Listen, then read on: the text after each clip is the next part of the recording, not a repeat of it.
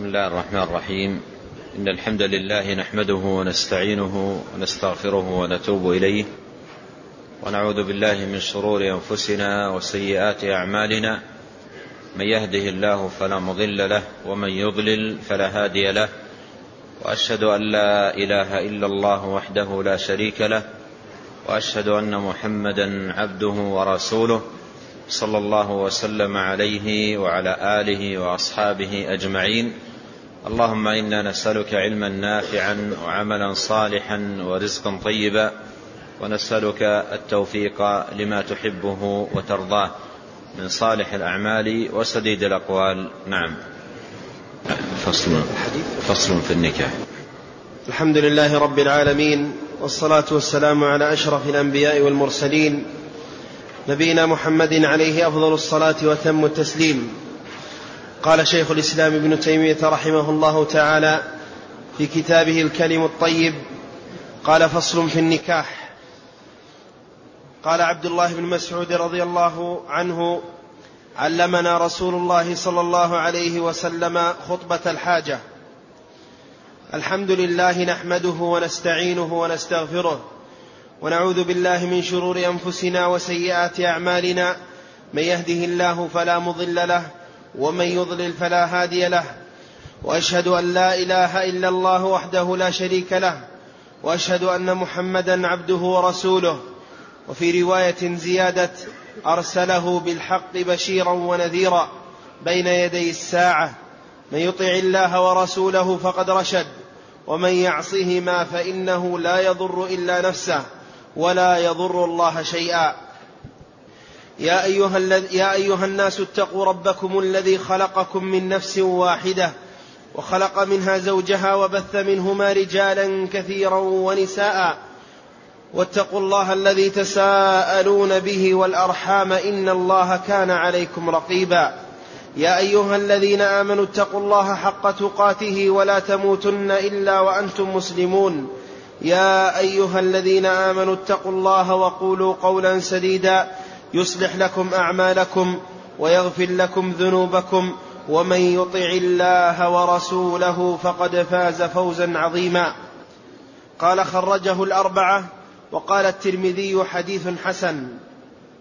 هذا الفصل عقده المصنف رحمه الله لبيان جملة من الأذكار والدعوات العظيمة المباركة التي تتعلق بالنكاح بدءا من كتابة عقد النكاح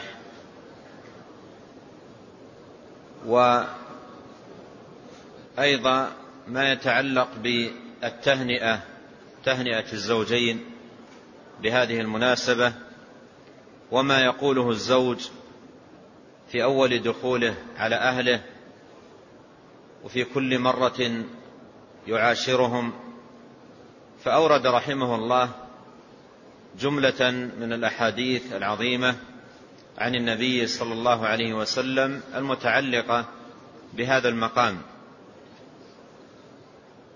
مما يترتب على العناية بها والإتيان بها وفهم معانيها ومدلولاتها خيرا أو خير عظيم بين الزوجين في حياة كريمة وعشرة طيبة وأيام مباركة لقيام حياتهم على ذكر الله عز وجل وحسن الالتجاء إليه تبارك وتعالى.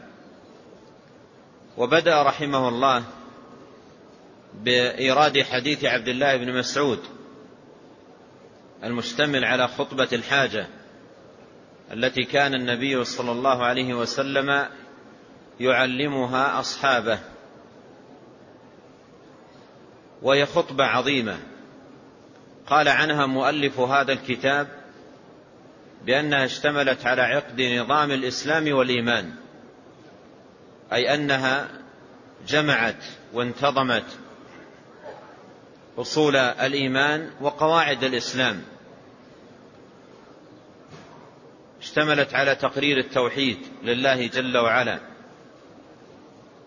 وكمال التوكل عليه وحسن الاعتماد والالتجاء إلى الله جل وعلا. اشتملت على طلب الغفران والصفح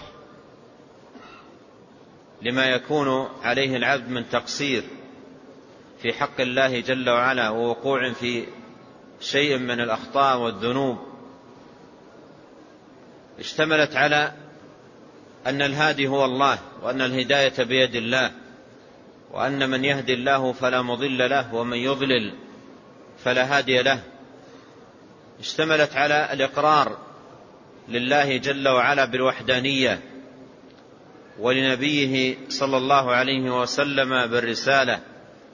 اشتملت على تعظيم الله وحسن الثناء عليه تبارك وتعالى.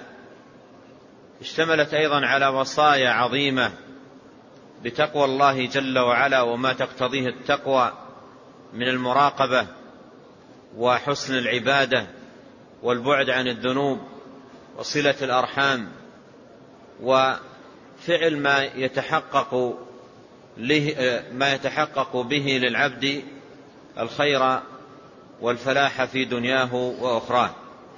فهي خطبة عظيمة نافعة جامعة. وقد مر معنا بالأمس أن هذه الخطبة كانت سبب إسلام كانت سبب إسلام ضماد الازدي وقومه لما اشتملت عليه من المعاني العظيمة الجزلة القوية في تقرير الإيمان وقواعده وأركانه.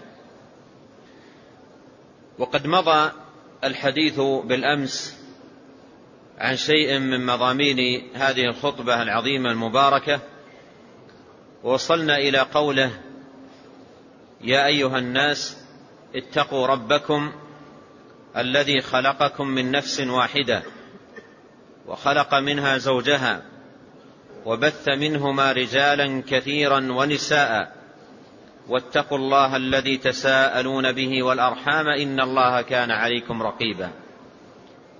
وهذه الآية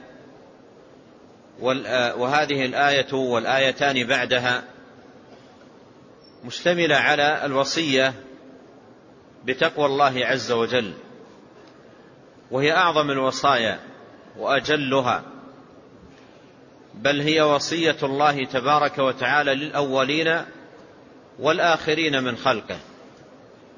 كما قال الله عز وجل ولقد وصينا الذين أوتوا الكتاب من قبلكم وإياكم أن اتقوا الله وهي وصية الرسول صلى الله عليه وسلم لأمته. وهي وصية السلف الصالح فيما بينهم. وهي وصية جامعة للخير كله.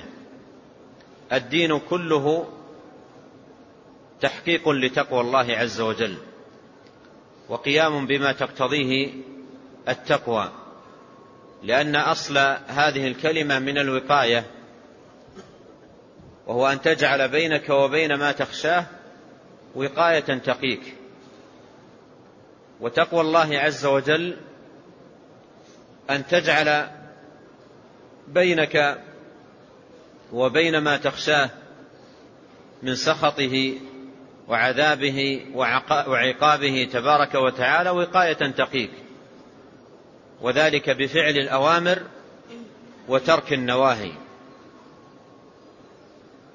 ولهذا فإن أحسن ما حدت به التقوى قول أحد التابعين وهو طلق بن حبيب رحمه الله قال تقوى الله العمل بطاعة الله على نور من الله رجاء ثواب الله وترك معصية الله على نور من الله خيفة عذاب الله. وهذا التعريف العظيم للتقوى هو من أحسن التعريفات التي قيلت في بيان حدها. وقد أثنى عليه جماعة من أهل العلم. منهم مصنف هذا الكتاب وتلميذ ابن القيم والإمام الذهبي والإمام ابن رجب وجماعة من أهل العلم عدوا هذا التعريف من أحسن ما حدت به التقوى. قال تقوى الله العمل بطاعة الله.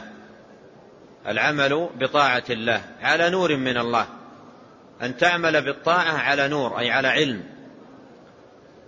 ليس قياما بالطاعة عن جهل وعن عدم بصيرة بل عن علم بها علم بدليلها من كتاب الله وسنة رسوله صلوات الله وسلامه عليه. والعلم نور. قال الله عز وجل وكذلك أوحينا إليك روحا من أمرنا. ما كنت تدري ما الكتاب ولا الإيمان ولكن جعلناه نورا نهدي به من نشاء من عبادنا. على نور من الله رجاء ثواب الله. أي أن تعمل الطاعة رجاء الثواب. تقوم بالعبادة وأنت ترجو من الله الثواب من الله سبحانه. لا من خلقه. قال وترك معصية الله أي البعد عن المحرمات والآثام على نور من الله. أيضا المعصية تترك والذنوب تجتنب عن علم وعن معرفة بها. يعرف العبد المحرم ليتقيه. وأما من لا يعرف المحرم فكيف يتقيه وهو يجهله؟ ولهذا قال من قال من السلف كيف يتقي من لا يدري ما يتقي؟ الذي لا يعرف المحرمات كيف يتقيها وهو يجهلها؟ ولهذا كما أنه يحتاج إلى العلم بالطاعة لتفعل كذلك يحتاج إلى العلم بالمعصية لتجتنب.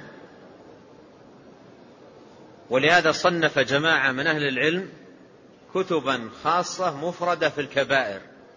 يعدد لك الكبائر ويعدد لك المحرمات. الكبيرة الأولى الثانية الثالثة الرابعة. يذكر لك الكبائر واحدة تلو الأخرى مع أدلتها. لماذا؟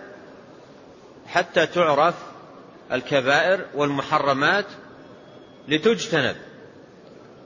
ولما فرط كثير من المسلمين بمعرفة الكبائر والمحرمات أصبحوا يغشونها ويفعلونها ويمارسونها وأصبحت جزءا من حياة بعضهم لا ينفك عنه. وقد ورد في شأنها نصوص مخيفة وتهديد شديد ووعيد وربما لعن وطرد من رحمة الله وتجد من المسلمين من هو مقيم عليها مداوم عليها وذلك لأنه مستهين بالعلم والتعلم ومعرفة هذه المحرمات وخطورتها والوعيد الشديد الذي ورد فيها. ولهذا يلاحظ على كثير منهم أنه عندما يبين له بعض النصوص أو شيء قليل من الوعيد الذي ورد في حق من يفعل تلك الأعمال يسارع إلى, متارك إلى تركها والبعد عنها. وكان سبب فعله لها وإقامته عليها مدة من زمانه هو تركه لتعلم دينه وإعراضه عن التعلم ومعرفة ما جاء في كتاب الله وسنة نبيه عليه الصلاة والسلام.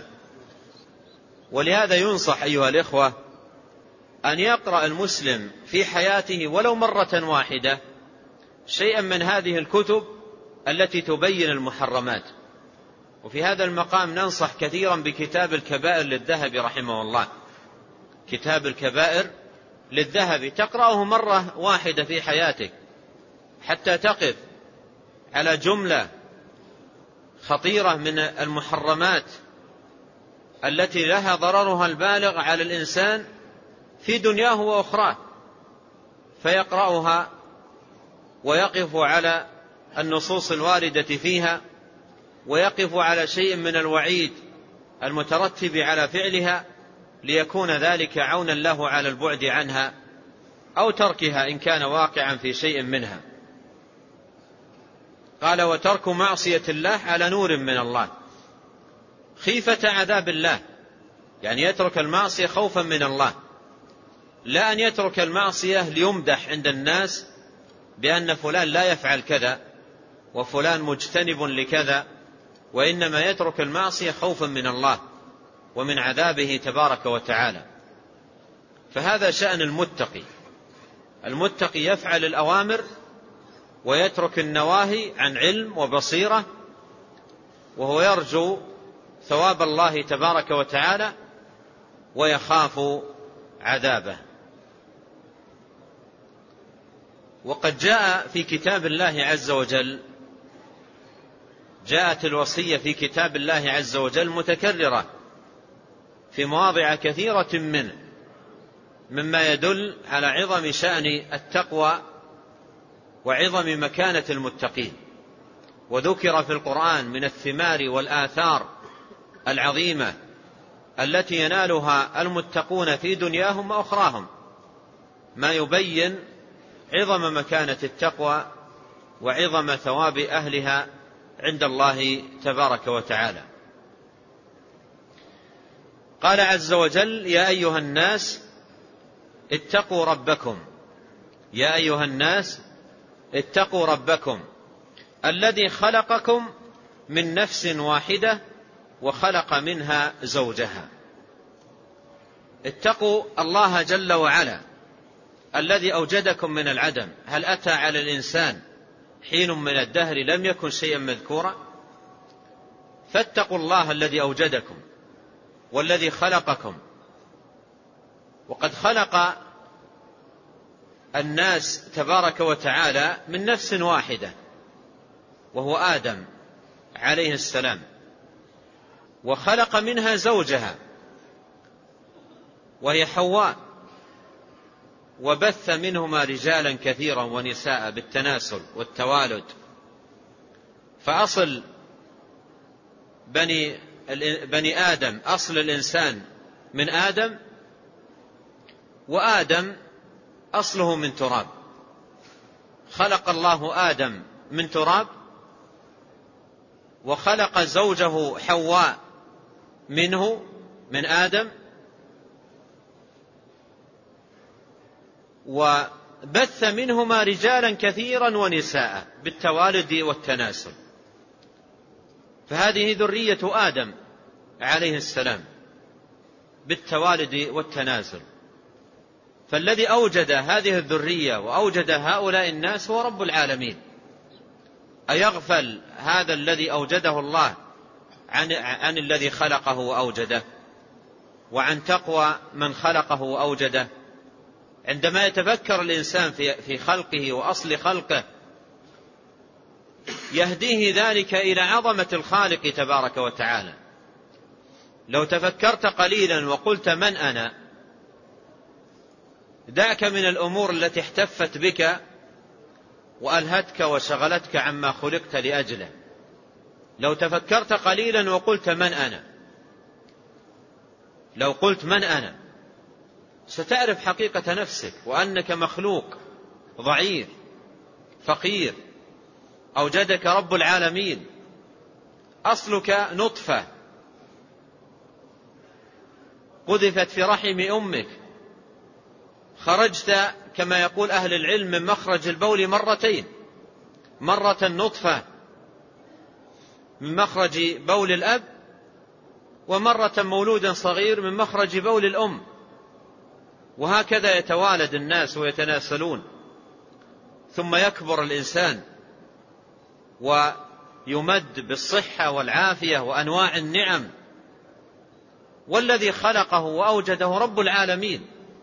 فلماذا يغفل الإنسان عن خلق الله له وإيجاده؟ لماذا يغفل عن الغاية التي خلق لأجلها وأوجد لتحقيقها من عبادة الله تبارك وتعالى وتمام الذل بين يديه والانكسار له تبارك وتعالى؟ ولهذا يذكر رب العالمين الناس عموما بتقواه ومما يوجب هذه التقوى ويحققها أن يتذكر الإنسان. أن يتذكر الإنسان أنه مخلوق لله عز وجل أصله من آدم وآدم من تراب. خلق الله آدم من تراب وخلق زوجه حواء منه فحواء خلقت من آدم ثم تناسلت الذرية. بالتوالد. هدى الله عز وجل الزوجين ومن عليهم بالزواج الذي يترتب عليه التناسل. فهذه نعمة الله عز وجل وكثير من الناس يدب على هذه الأرض ويغفل عن ذلك. يمشي على هذه الأرض ويغفل عن ذلك لاهيا بمتع الدنيا الزائلة لاهيا بمصالحها الفانية عن الغاية التي خلق لأجلها وأوجد لتحقيقها. كثير من الناس في خضم انشغاله بملهيات الدنيا ومتعها. نسي قول الله تعالى وما خلقت الجن والإنس إلا ليعبدون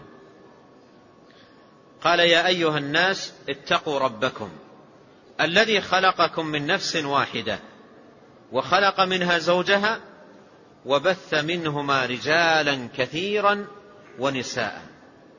هذه المعاني التي ذكرت هنا هي في الحقيقة بوابة تهديك إلى تحقيق تقوى الله. وهي أن تتفكر في أصل خلقك ونشأتك ووجودك في هذه الحياة وحقيقة أمرك. تتفكر في هذه المعاني فكل ذلك يهديك إلى تعظيم الخالق وتكبير الموجد المنعم تبارك وتعالى وحسن الإقبال عليه ومراقبته في السر والعلانية. أما من يغفل عن هذه المعاني فإنه يخرج ب يخرج بنفسه عن الحقيقة التي خلق لأجلها إما إلى لهو زائل أو إلى إجرام مهلك أو إلى تعاظم والعياذ بالله موبق للإنسان في دنياه وأخراه. ويا سبحان الله يوجد في من خلق من هذه النطفة من هذا الماء المهين من إذا شب وترعرع ادعى لنفسه من الخصائص ما ليس إلا لرب العالمين. ادعى لنفسه من الخصائص ما ليس إلا لرب العالمين. متعاظما على عباد الله متعاليا مستكبرا يرى نفسه أنه لا أحد أكبر منه. هذا ما عرف نفسه. نسي أنه مخلوق من نطفة من ماء مهين. نسي أن أوله نطفة وآخره جيفة وهو بين ذلك يحمل في في في في بطنه العذرة ثم يتكبر ويتعالى ويترفع على عباد الله ويدعي لنفسه من الخصائص ما ليس إلا لرب العالمين عز وجل. علوا في الأرض وفسادا. هذا ما عرف نفسه. ولهذا التفكر في هذا الباب يهدي العبد إلى التواضع. وإلى لين الجانب وإلى تمام الانكسار والذل بين يدي الله تبارك وتعالى يهدي العبد إلى تحقيق التقوى والقيام بها. ولهذا لما أمر ربنا تبارك وتعالى بالتقوى ذكر بهذا الأمر. قال يا أيها الناس اتقوا ربكم الذي خلقكم من نفس واحدة وخلق منها زوجها وبث منهما رجالا كثيرا ونساء. ثم إن خلق حواء من آدم يبين الصلة الوثيقة بين هذين الجنسين الذكر والأنثى. وأن الأنثى خلقت من من الذكر. حواء خلقت من آدم. خلقت من آدم. فهذا يبين الرابطة بين هذين الجنسين. وتذكر هذا المعنى يحقق وئاما يحقق رحمة ومودة في الحياة الزوجية التي تبنى على تقوى الله عز وجل ومراقبته تبارك وتعالى في السر والعلانية. قال وبث منهما رجالا كثيرا ونساء واتقوا الله الذي تساءلون به والأرحام. اتقوا الله الذي تدركون في أنفسكم عظمته وتعظيمه فيما بينكم. ولهذا إذا عرضت الحاجات والمطالب لكثير منكم تساءلون به يقول قائلكم أو يقول الواحد منكم للآخر أسألك بالله. لما قام في النفوس من تعظيم الله وأن السؤال بالله تبارك وتعالى عظيم في النفوس. فاتقوا الله الذي تساءلون به. اتقوا الله الذي تساءلون به. عندما تعرض الحاجة لأحدكم مهمة وعظيمة يريدها من صاحبه يقول لصاحبي أسألك بالله أن تعطيني كذا. أسألك بالله أن لا تردني. أسأل لما قام في قلبه وقلب صاحبه من, من تعظيم لله. فاتقوا الله الذي تساءلون به. اتقوه, اتقوه بتحقيق عبادته. اتقوه بحسن المراقبة. اتقوه بإخلاص الدين له. اتقوه تبارك وتعالى بالبعد عن الإشراك. اتقوه بالبعد عن المحرمات. لا, لا يكن شأنكم في هذا المقام آه، مجرد التعظيم له تبارك وتعالى في المصالح العاجلة التي تحتاجونها من أمور الدنيا. دون ما خلقتم لأجله وأوجدتم لتحقيقه وهو العبادة التي بها سعادة العبد في دنياه وأخراه. فاتقوا الله الذي تساءلون به. اتقوا الله يا من عرفتم عظمته سبحانه وتعالى فإذا عرضت لأحدكم حاجة يسأل صاحبه حاجته بالله أسألك بالله. وهذا دليل على أنه في القلب تعظيم له تبارك وتعالى. فهذا الذي قام في قلوبكم من تعظيمه ما قام عند سؤال الحاجات والمطالب عظموه كل وقت وحين. وراقبوه في جميع شؤونكم. ترى من الناس من إذا عرضت حاجة استذكر عظمة الله وسأل صاحبه بالله لكنه يتهاون في طاعة الله يتهاون في عبادة الله يتهاون في التذلل بين يدي الله. أين الذي كنت تسأل صاحبك به؟ أسألك بالله. تعظم الله جل وعلا. لماذا لما جاء وقت العبادة والأمر بطاعة الله ذهب من قلبك هذا التعظيم له سبحانه. فهذا أمر بتقوى الله عز وجل الذي تساءلون به.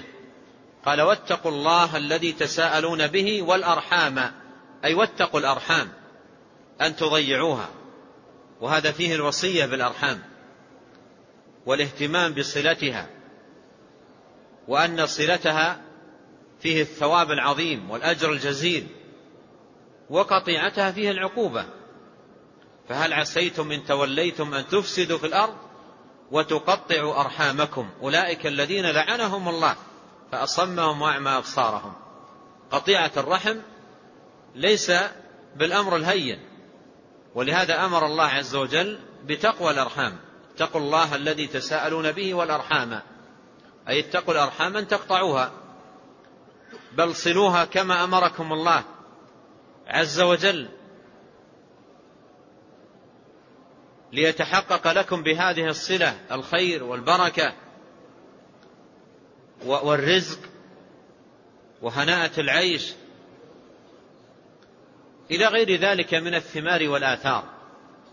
قال واتقوا الله الذي تساءلون به والأرحام إن الله كان عليكم رقيبا. وقوله إن الله كان عليكم رقيبا هذا أكبر واعظ.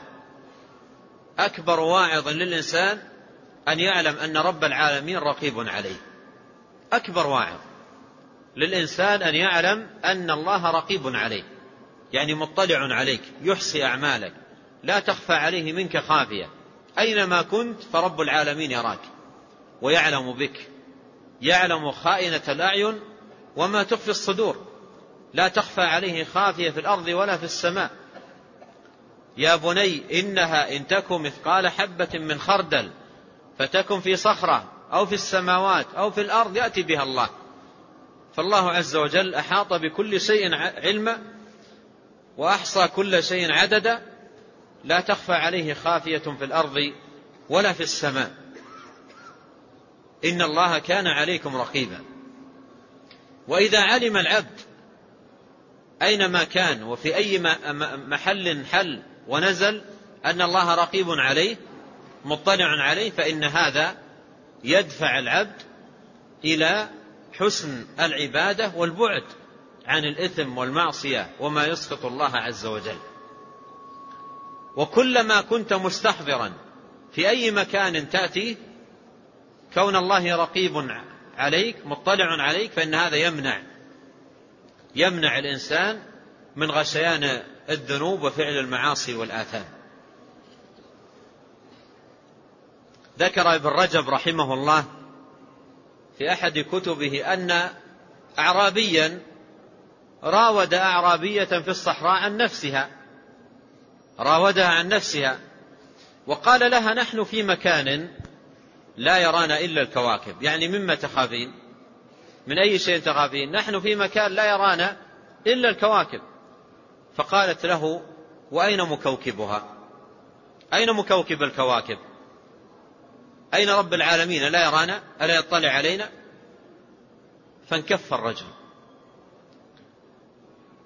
والنبي عليه الصلاة والسلام لما ذكر قصة الثلاثة الذين أطبقت عليهم الصخرة في الغار وذكر أن كل واحد منهم توسل إلى الله تبارك وتعالى بوسيلة من عمل صالح قام به في حياته لتنفرج عنهم الصخرة. فقال أحدهم متوسلا إلى الله بأنه كانت له ابنة عم وكان أحبها وراودها مرات كثيرة عن نفسها فأبت. فجاءت يوم إليه محتاجة وقد آتاه الله مالا ويسارا فجاءت إليه محتاجة تريد شيئا من المال. فقال لها لن أعطيك شيئا من حتى تمكنيني من نفسك. استغل حاجتها وضعفها. قال عليه الصلاة والسلام فلما جلس بين شعبها الأربع قالت له اتق الله. لما جلس بين شعبها الأربع قالت اتق الله ولا تفض الخاتم إلا بحقه. اتق الله ولا تفض الخاتم. إلا بحقه. فقام. قام قومة متق لله عز وجل. ومن الذي يستطيع أن يقوم في مثل هذه الحال؟ إلا من كان متقيا لله أو قام في قلبه تقوى الله عز وجل. أما إذا ذهبت تقوى الله من القلب فإن شهوة الإنسان تعميه وتصمه. ويغشى الحرام ورب العالمين يراه. ويطلع عليه ويباشر الحرام ورب العالمين يراه ولا يبالي. ماضيا في شهوته. فذكرته تقوى الله قالت اتق الله ولا تفض الخاتم إلا بحقه. فنهض. نهض ولما أطبقت عليهم الصخرة توسل إلى الله بهذا العمل وكان هذا العمل عملا جليلا مباركا وكان وسيلة عظيمة إلى الله عز وجل تقرب بها فكانت سببا لانفتاح الصخرة وارتفاعها عن فم المكان الذي هم فيه. إن الله كان عليكم رقيبا. كلما كان العبد مستحضرا هذا المقام العظيم وأن الله رقيب عليه مطلع عليه يراه فإن هذا يحجز الإنسان. ولهذا قال أهل العلم أكبر واعظ للعبد أن يتذكر أن الله رقيب عليه. أكبر واعظ أن يتذكر أن الله رقيب عليه أن الله عليم به أن الله مطلع عليه. ولهذا تجد القرآن فيه هذا الواعظ أكثر من غيره. كثير من الآيات تختم إن الله بما تعملون بصير إن الله خبير بما تعملون إن الله عليم بذات الصدور.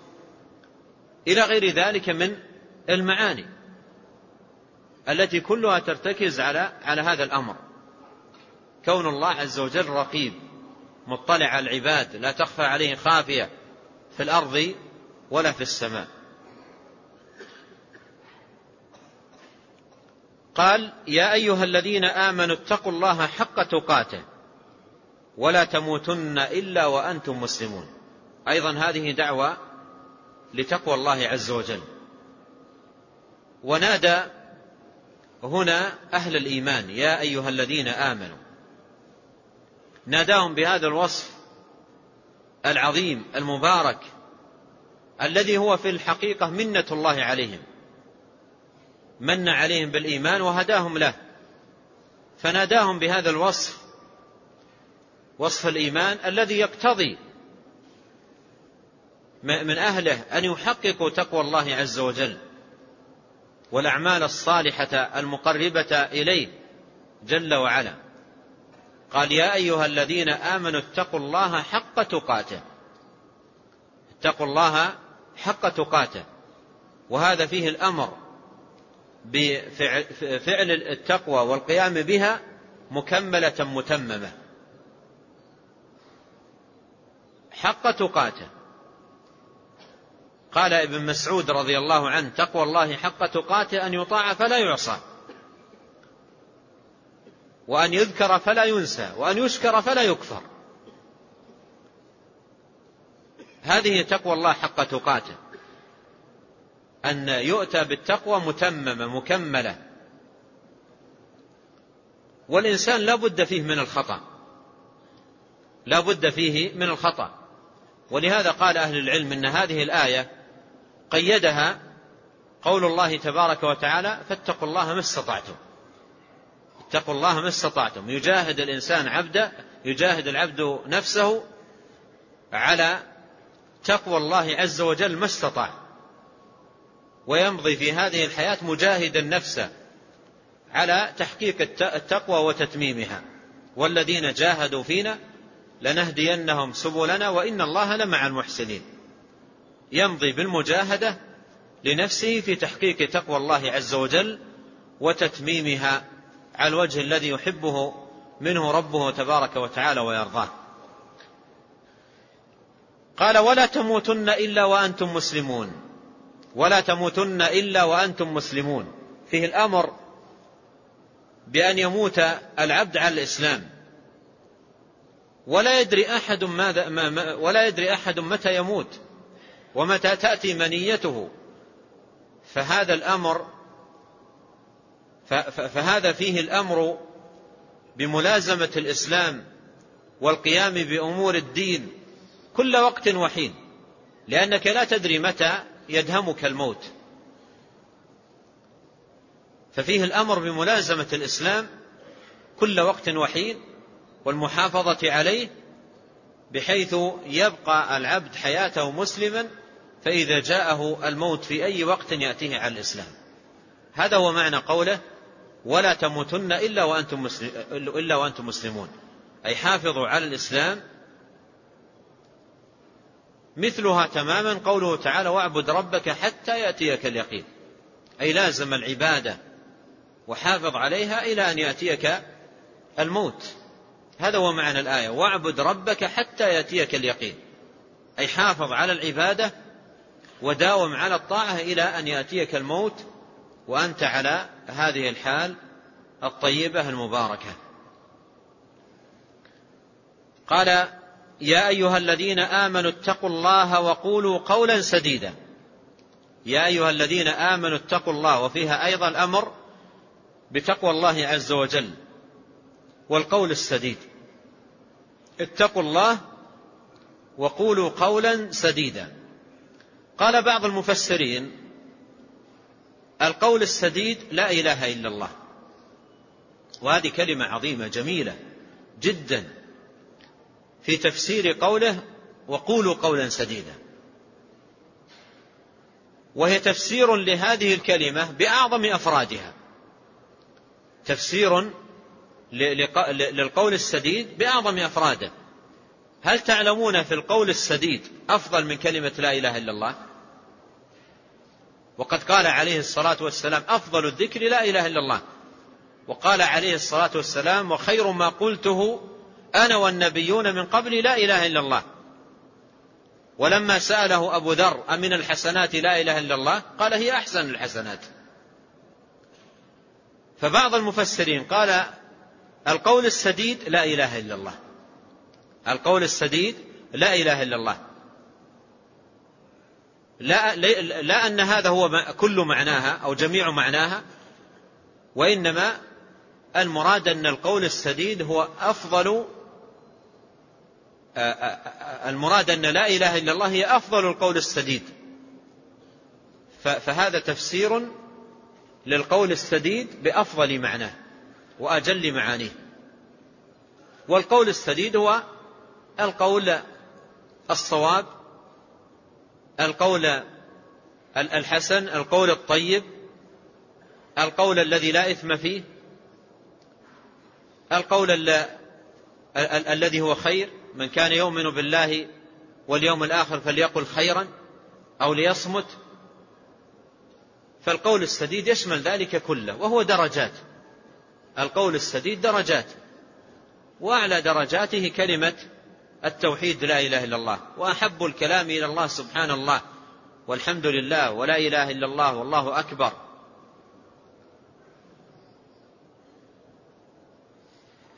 قال اتقوا الله وقولوا قولا سديدا. يصلح لكم أعمالكم. وانظر هنا إلى فائدة عظيمة وهي أن صلاح القول يترتب عليه صلاح العمل. من اتقى الله في قلبه وصان لسانه اتقوا الله وقولوا قولا سديدا اتقى الله في قلبه وصان لسانه ترتب على ذلك ماذا؟ صلاح عمله يصلح لكم أعمالكم. وهذا يبين لنا أن صلاح العمل منبني على صلاح القلب واللسان على صلاح القلب بالتقوى وصلاح اللسان بالقول السديد. فمن صلح قلبه بتقوى الله قد قال عليه الصلاة والسلام التقوى ها هنا ويشير إلى صدره ثلاث مرات صلوات الله وسلامه عليه. فمن أصلح قلبه بتقوى الله وأصلح لسانه بالقول السديد صلحت أعماله.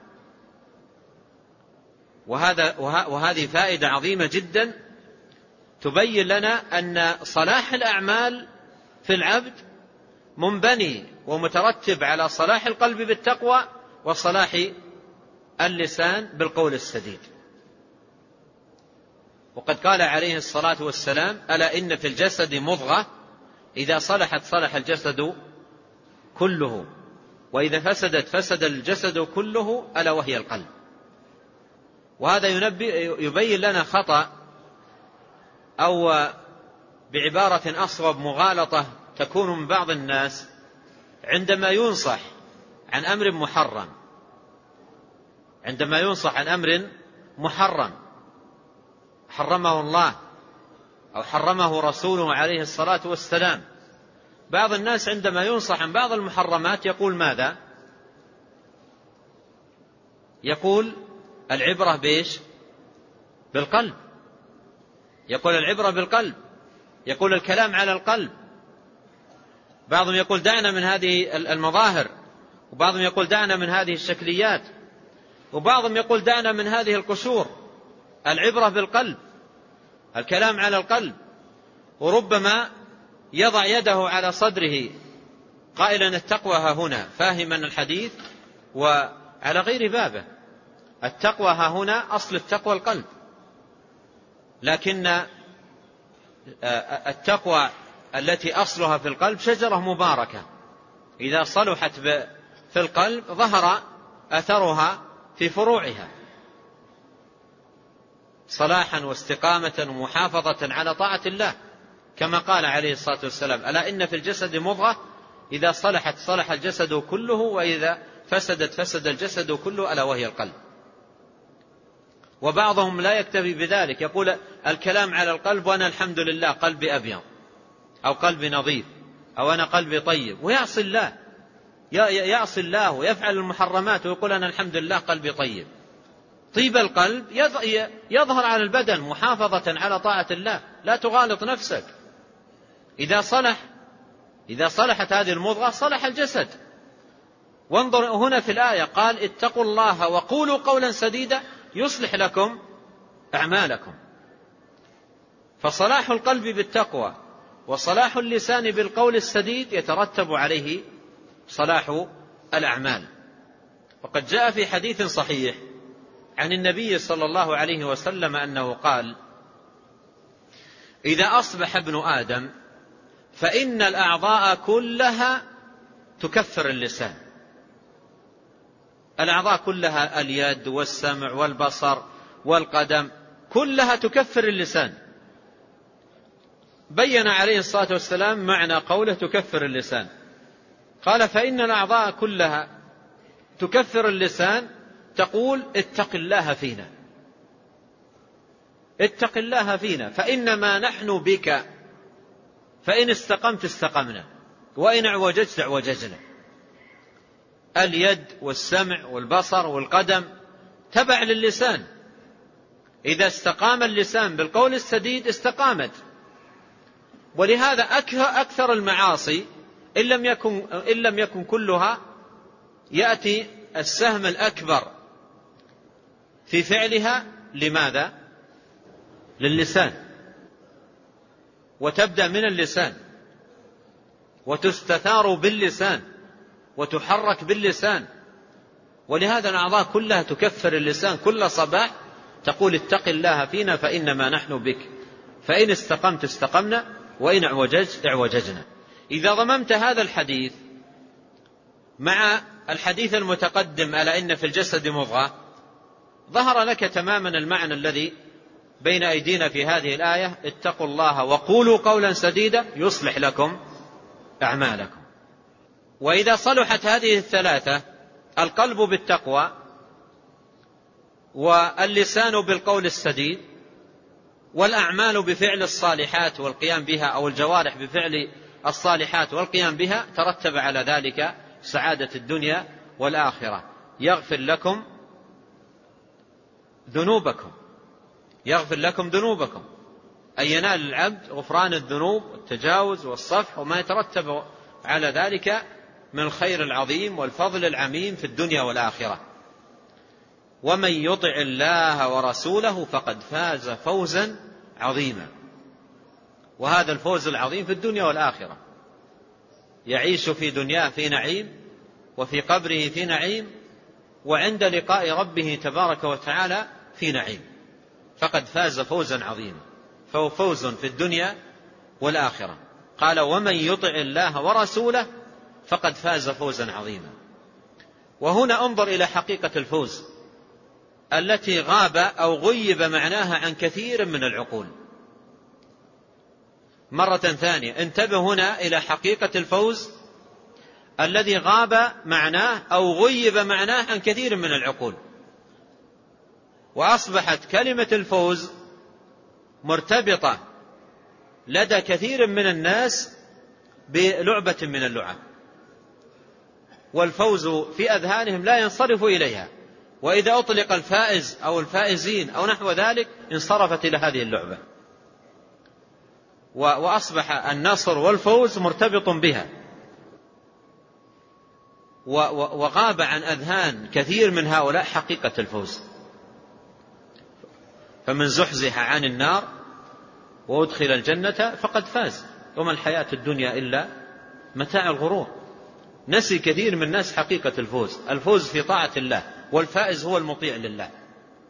الفائز هو المطيع لله عز وجل ولرسوله عليه الصلاة والسلام. ومن لم يطع الله ورسوله صلى الله عليه وسلم ليس بفائز بل هو من الخاسرين في الدنيا والآخرة. لكن هذه الحقيقة غيبت أو غابت عن كثير من الأذهان. وأصبح الفوز أو النصر أو الربح أو نحو ذلك ارتبطت بنوع من اللعب أو اللهو ولا تنصرف الأذهان عند إطلاق الفوز أو ذكره إلى هذه إلا إلى هذه المعاني. ومن يطع الله ورسوله فقد فاز فوزا عظيما. من الله علينا أجمعين بالفوز العظيم والنعيم المقيم وهدانا إليه سبحانه وتعالى صراطا مستقيما. قال وعن أبي هريرة رضي الله عنه أن النبي صلى الله عليه وعلى آله وسلم كان إذا رفع الإنسان إذا تزوج قال بارك الله لك وبارك عليك وجمع بينكما في خير قال الترمذي حديث حسن صحيح قال وعن أبي هريرة أن النبي صلى الله عليه وسلم كان إذا رفع الإنسان إذا تزوج رفع الإنسان إذا تزوج يعني إذا هنأه بهذه المناسبة مناسبة الزواج أي شيء يقول له؟ ومن من الله عليه بالزواج يدعى له في زواجه بالبركة. وأن يكون هذا الزواج زواجا مباركا. وأن يجمع بينه وبين زوجه بالخير. هذا الذي يدعى به له. وكان الأمر في الجاهلية إذا رفع أحدهم الآخر قال له بالرفاء والبنين.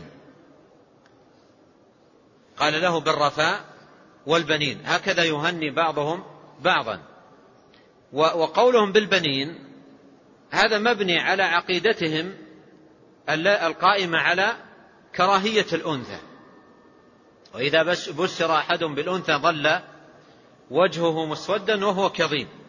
ولهذا قال بالرفاء والبنين. وهذه الدعوة قائمة على الكراهية القائمة في قلوبهم للأنثى. ولهذا كان يكثر فيهم وأد الإناث أي قتلهن وهن أحياء كان يكثر في الجاهلية لأن لأنهم ما كانوا يطيقون الأنثى. وإذا بشر أحدهم بالأنثى ظل وجهه مسودا وهو كظيم. يتوارى من القوم من سوء ما بشر به. أيمسكه على هون أم يدسه في التراب؟ يظلم وجهه إذا قيل له آه، رزقت بأنثى. مع أن الأنثى هبة من الله عز وجل ومنا لله ملك السماوات والأرض. يهب لمن يشاء إناثا ويهب لمن يشاء الذكور. فهي هبة ومنة من الله عز وجل. فكان الواحد منهم إذا بشر بالأنثى ظل وجهه مسودا من شدة الكراهية التي ملأت قلوبهم في في بشأن الإناث. حتى إنني قرأت في بعض كتب التاريخ في وصف حال الكفار مع الإناث في, في, في مسألة الوأد وأد الأنثى. وإذا الموؤودة سئلت بأي ذنب قتلت. فكان بعضهم من شدة كراهيته للأنثى إذا دنا وقت ولادة زوجته حفر حفرة في الأرض. إذا دنا واقتربت الولادة حفر حفرة في الأرض. وجعل زوجته تلد بجوار الحفرة. تلد بجوار الحفرة. وهو جالس عندها. ينتظر المولود. من شدة الكراهية التي ملأت قلوب هؤلاء للإناث بعضهم كان يفعل هذا. يحفر حفرة عميقة وزوجته تلد بجوار الحفرة. ثم يجلس إذا خرج المولود نظر. إذا كان أنثى ما تبقى على وجه الأرض ولا دقيقة واحدة. الحفرة موجودة جاهزة بجنب فما تبقى على وجه الأرض ولا دقيقة إذا كانت أنثى. رأسا إذا نظر إليها. وجدها أنثى رماها في في الحفرة حتى صراخها على وجه الأرض ما يتم. مجرد ما تخرج من من أمها من بطن أمها إلى الحفرة رأسا. ينظر نظرة سريعة مجرد ما تخرج. إن كانت أنثى ألقاها في الحفرة وردم عليها التراب. ما تبقى على وجه الأرض ولا دقيقة واحدة. هذا من شدة الكراهية التي في بعضهم الأنثى. وبعضهم يصبر على هون وتكبر كما ذكروا أيضا هذا في كتب التاريخ وتكبر ولا تزال الكراهية في قلبه تجاهها حتى إن بعضهم إذا بلغت ست سنوات بنته إذا بلغت ست سنوات قال لأمها طيبيها وجمليها وزينيها فتخرج الصغيرة مع والدها كأنه يفسحها ويمشيها ويكون أعد لها حفرة في الصحراء بثيابها بحليتها بجمالها عمرها ست سنوات. فيذهب وإذا وصلت الحفرة قال لبنته انظري ماذا في داخل هذه الحفرة. فإذا وقفت على طرف الحفرة تنظر دفعها من من ظهرها وهال عليها التراب. وهي حية يدفنها. فكانت قلوبهم مظلمة. مظلمة. لا يطيق أحدهم أن أن أن تذكر له الأنثى. وهذه الجاهلية قد تتسرب إلى إلى إلى بعض القلوب. ربما تتسرب بدرجة أخف. يعني تكون موجودة الجاهلية ولكن بدرجة أخف. فإذا بشر بالأنثى تضايق. وتوجد هذه الجاهلية. بعضهم يعني بعضهم إذا ولدت زوجته مرة أو مرتين أو ثلاث أنثى يهددها. جاهلية جاهلية عظيمة. يهددها. يقول إن جئت بالرابع أنثى أنت طالق. كل مولود أنثى؟ نريد أولاد ما نريد بنات. إذا ما تأتين بالرابع أنثى فأنت طالق. وقد ذكروا لي مرة قصة لأحدهم لما فيها من فائدة أذكرها. وهي أن أنه كان لا, لا, لا, لا يولد له إلا بنات. لا يولد له إلا بنات. في المرة الأولى والثانية والثالثة والرابعة والخامسة والسادسة الذي يولد له بنات. ففي المرة السادسة اشتد غيظه على على زوجته وقال لها يعني إيش هذا؟ كل كل كل بنات؟ ما في بنين كأنها هي التي يعني تملك ذلك. فقال لها إذا كان هذا المولود الذي هو السابع إذا كان هذا المولود أنثى فأنا سأطلقك. ما تبقين معي. ثم لما قربت ولادتها رأى في المنام رؤيا. رأى أنه مات وأنه حمل في, في, في جنازة وأن القيامة قامت فأخذ إلى النار. ولما وصل إلى باب النار ولها سبعة أبواب كما في القرآن لما أخذ إلى إلى الباب الأول منها وإذا إحدى بناته واقفة سترا له من النار. واقفة سترا له من النار. فأخذوه إلى الباب الثاني وإذا بنته الثانية. وأخذوه إلى الثالث وإذا الثالثة. إلى السادس وإذا السادسة. بقي الباب السابع. فأخذوه إلى السابع ما فيه. البنات انتهى. ست. فلما أخذوه إلى الباب السابع وإذا ما فيه أحد. واقترب رمي في النار فقام فزع من النوم. قام فزعا من النوم وهو يقول اللهم أن أن تكون أن تكون أنثى. يدعو الله أن تكون أنثى هاته المولود الذي في بطن الأم. يقول يا رب إنها أنثى. تغيرت النظرة التي عنده. ما وقد جاء في الحديث أن من يعني أحسن تربية إلا كنا سترا له من النار. من من الله عليه ببنات وأحسن تربيتهن وتأديبهن كنا سترا له من النار.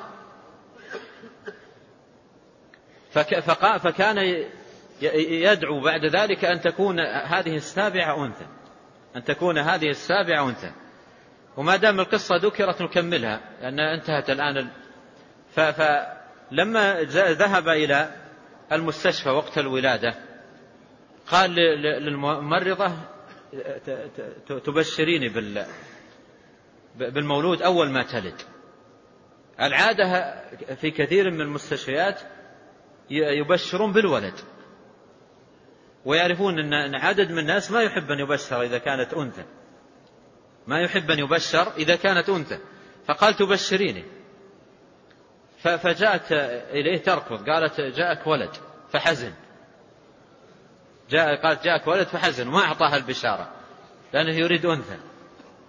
فعلى كل حال هذه فيها فائدة وطريفة هو والمهم أن أن هذه الجاهلية قد تتسرب إلى إلى كثير من الناس بدرجة أخف قد تكون مما هم عليه. لكن بعضهم قد يمتلئ قلبه كراهية أو قد يملأ يمتلئ قلبه ضيقا أو أو عدم ارتياح وربما يتكلم على زوجته أو أشياء من هذا القبيل كلها من من أعمال الجاهلية الشاهد أن أنهم كانوا يقولون في تهنئتهم بالرفاء والبنين بالرفاء والبنين. فنهى النبي عليه الصلاة والسلام عن ذلك وكان إذا رفأ الإنسان إذا تزوج قال بارك الله لك وبارك عليك وجمع بينكما في خير. بارك الله لك وبارك عليك.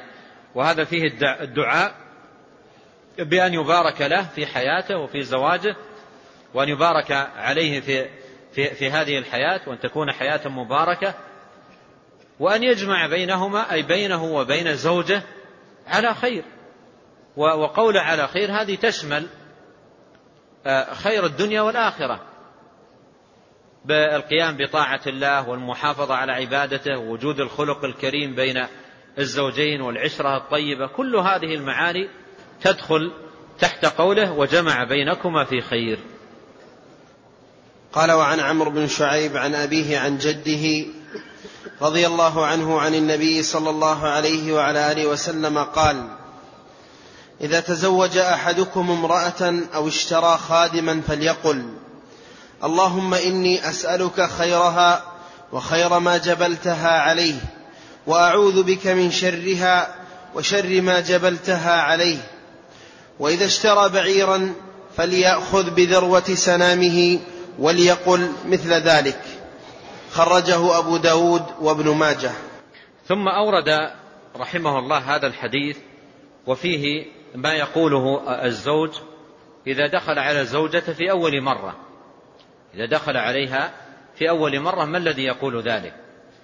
فأورد حديث عبد الله بن عمرو بن العاص عن النبي صلى الله عليه وسلم أنه قال إذا تزوج أحدكم امرأة أو اشترى خادما فليقل اللهم إني أسألك خيرها. فليقل اللهم إني أسألك خيرها. وخير ما جبلتها عليه. وأعوذ بك من شرها وشر ما جبلتها عليه اللهم إني أسألك خيرها يعني خير هذه المرأة من عبادة وطاعة وأدب وخلق وحسن معاشرة وغير ذلك من المعاني الطيبة أسألك خيرها. وخير ما جبلتها عليه أيضا من ما جبلتها عليه من الأخلاق ومن الآداب ومن كريم السجايا والخصال أسألك خيرها وخير ما جبلتها عليه وأعوذ بك أي ألتجي إليك وأعتصم بك من شرها يعني مما في هذه المرأة من شر. سوء معاشرة أو فظاظة خلق أو نحو ذلك من الأمور وأعوذ بك من شرها وشر ما جبلتها عليه أي ما, ما عليه من الأخلاق أو الرعونة. أو الصعوبة أو نحو ذلك. أعوذ بك من شرها وشر ما جبلتها عليه وهي دعوة عظيمة مباركة يستحب للمسلم أن يقولها عند أول دخوله على زوجه. قال وإذا اشترى بعيرا فليأخذ بذروة سنامه وليقل مثل ذلك. قول فليأخذ بذروة سنامه أي ليضع يده على ذروة سنامه. وقد قال بعض العلماء إن وضع اليد على ذروة سنام البعير لأنه على ذروة سنام البعير شيطان. لأنه على ذروة سنام البعير شيطان. فقال بعض أهل العلم لعله لهذا توضع اليد على ذروة السنام. قد يكون هذا وقد يكون لأن ذروة السنام هو أعلى شيء فيه. فيضع يده على أعلى شيء في البعير ويدعو بهذه الدعوة. ويدعو بهذه الدعوة. وكونه على ذروة سنام البعير شيطان هذا ورد فيه حديث. رواه الحاكم في مستدركه وصححه ووافقه الذهبي. قال عليه الصلاة والسلام على ذروة آه، كل بعير شيطان. على ذروة كل بعير شيطان. قال فليأخذ بذروة سنامه وليقل مثل ذلك. أي يقل اللهم إني أسألك خيره وخير ما جبلته عليه وأعوذ بك من شره وشر ما جبلته عليه. كذلك من كذلك من اشترى سيارة أو دراجة أو نحو ذلك من المركوبات الحديثة يسأل الله عز وجل خيرها ويعوذ بالله تبارك وتعالى من شرها عند أول شرائه لها. نعم. جاء في بعض الأحاديث أنه يضع اليد على ناصيتها ناصية الزوجة ويدعو بهذه الدعوة أو على ناصية الخادم. نعم. قال وقال ابن عباس رضي الله عنهما عن النبي صلى الله عليه وعلى آله وسلم قال لو أن أحدكم إذا أتى أهله قال بسم الله اللهم جنبنا الشيطان وجنب الشيطان ما رزقتنا فقضي بينهما ولد لم يضره شيطان أبدا. متفق عليه. ثم ختم هذا الفصل بحديث ابن عباس رضي الله عنهما عن النبي صلى الله عليه وسلم قال لو أن أحدكم إذا أتى أهله. وهذا فيه بيان السنة فيما يقوله آه، من أراد أن يأتي أهله. في كل مرة يأتيهم. عند بدء المعاشرة أو عند إتيانه لأهله فماذا يقول؟ ما السنة؟ أن يقول في هذا الموضع. قال لو أن أحدكم إذا اتى أهله قال بسم الله. اللهم جنبنا الشيطان وجنب الشيطان ما رزقتنا فقضي بينهما ولد لم يضره شيطان أبدا. يعني لا يضر الولد شيطان أبدا يكون محفوظ بحفظ الله تبارك وتعالى. وهذا يتطلب من الإنسان أن يحافظ على هذه الدعوة العظيمة المباركة في كل مرة يأتي أهله يسمي ويسأل الله عز وجل أن يجنبه الشيطان وأن يجنب الشيطان ما رزقه من ولد وذرية. والله عز وجل قال قال في القرآن الكريم عن الشيطان قال واستفزز من استطعت منهم بصوتك وأجلب عليهم بخيلك ورجلك وشاركهم في الأموال والأولاد وعدهم وما يعدهم الشيطان إلا غرورا. إن عبادي ليس لك عليهم سلطان. فالشيطان يشارك الإنسان في أهله ويشارك ويشاركهم في ويشاركه في ولده ويشاركه في ماله. ولكن الإنسان يسلم من ذلك كله بالإيمان والاستعانة بالله عز وجل. إن عبادي ليس لك عليهم سلطان.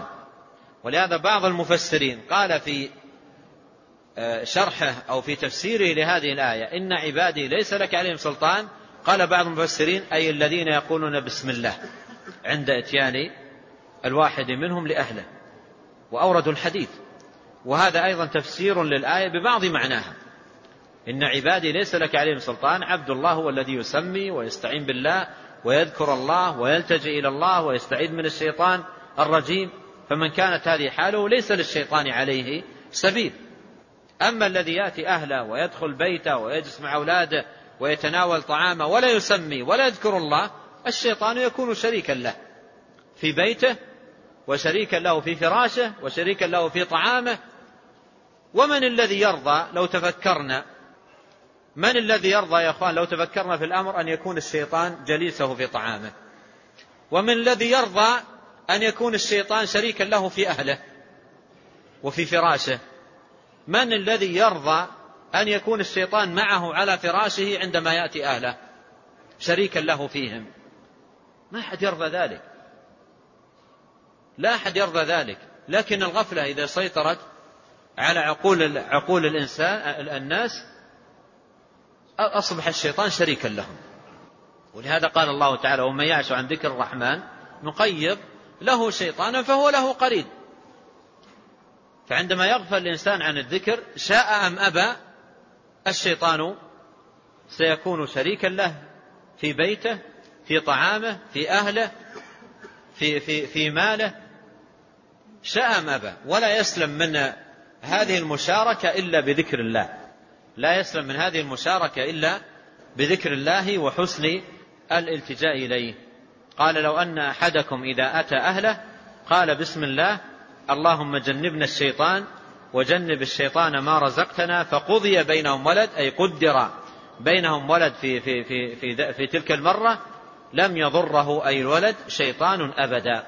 يصبح محفوظا بحفظ الله تبارك وتعالى. وأذكر أحد الصالحين سئل مرة عن كان جميع أبنائه على الاستقامة وعلى الصلاح.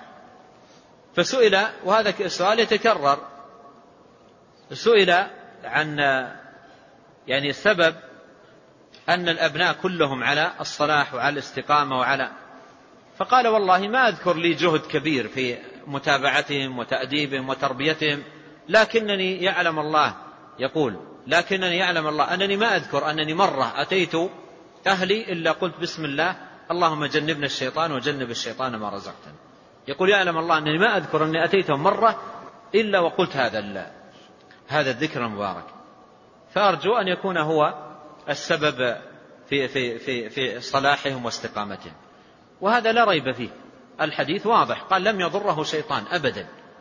لم يضره شيطان أبدا. لكن كما تقدم الإنسان يغفل و و و وتأتيه أمور تذهله وصوارف تصده.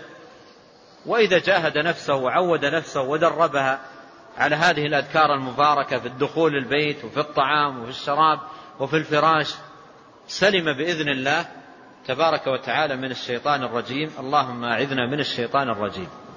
اللهم أعذنا وذرياتنا من الشيطان الرجيم. واحفظنا بحفظك يا رب العالمين. اللهم اهدنا وسددنا. اللهم أصلح لنا ديننا الذي هو عصمة أمرنا وأصلح لنا دنيانا التي فيها معاشنا وأصلح لنا آخرة التي فيها معادنا واجعل الحياة زيادة لنا في كل خير والموت راحة لنا من كل شر. وأنبه الإخوة بأن هذا الدرس يتوقف إلى ما بعد الحج بإذن الله تبارك وتعالى. نسأل الله للجميع القبول والتوفيق والسداد والعون على طاعته وما يقرب إليه. إنه تبارك وتعالى سميع مجيب.